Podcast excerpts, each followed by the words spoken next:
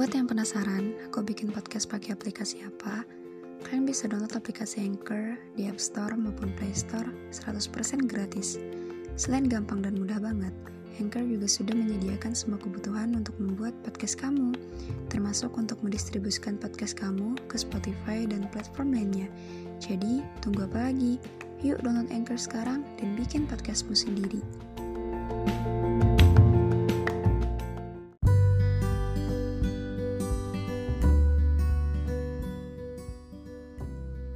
Gue baru aja habis buka album waktu gue SMA, waktu gue SMP, dan terakhir SD.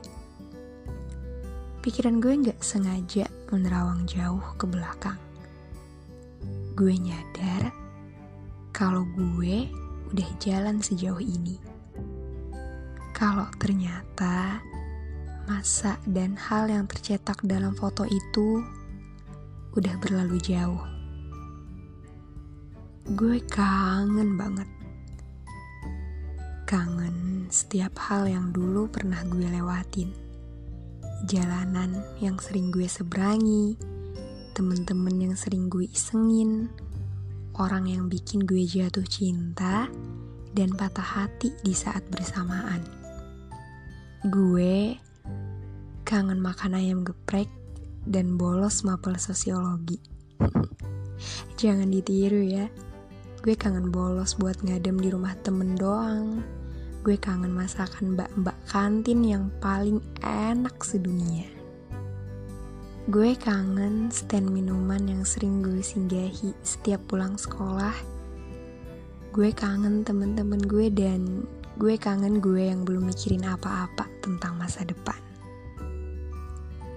Gue kangen saat semuanya masih jadi rencana. Gue kangen ngerencanain segala hal dan omongin ini itu sama temen-temen. Gue kangen quality time bareng mereka, kangen keluarga juga. Kangen kucing gue yang namanya Kim sama Ijo. Ada perasaan sedih waktu gue ninggalin kota ini. Walau hanya sementara, walau tujuan gue hanya untuk mengejar cita-cita. Tapi tetap aja perasaan gak bisa dibohongin. Hmm, gue kangen, kangen sama hal-hal yang selalu ngisi hari-hari gue. Ya emang, hal-hal yang biasanya bikin kesel setengah mati, kalau udah berlalu, justru malah jadi kangen.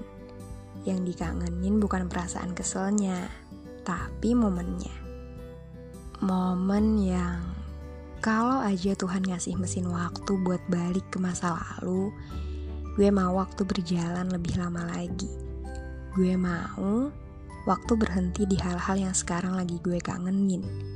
Gue mau datengin hal itu satu-satu, gue tengok dan nikmati lagi perasaan-perasaan yang sekarang gak pernah gue rasain lagi. Mungkin karena udah dewasa, jadi makin males untuk ngeribetin apa-apa. Apalagi perasaan. Males buat nyiptain perasaan baru yang nano-nano. Apalagi mutusin buat jatuh cinta lagi. Rasanya nggak dulu. Sekarang lebih enak perasaan yang gini-gini aja. Gak banyak bahagia, tapi kalau sedih juga seperlunya aja. Jadi ya sedang-sedang aja. Masalah besok nggak harus dipikirin hari ini. Jadi, ya udah. Selamat menjalani hari yang mungkin kerasa lebih panjang dari biasanya atau mungkin kerasa lebih cepet dan mungkin sebaliknya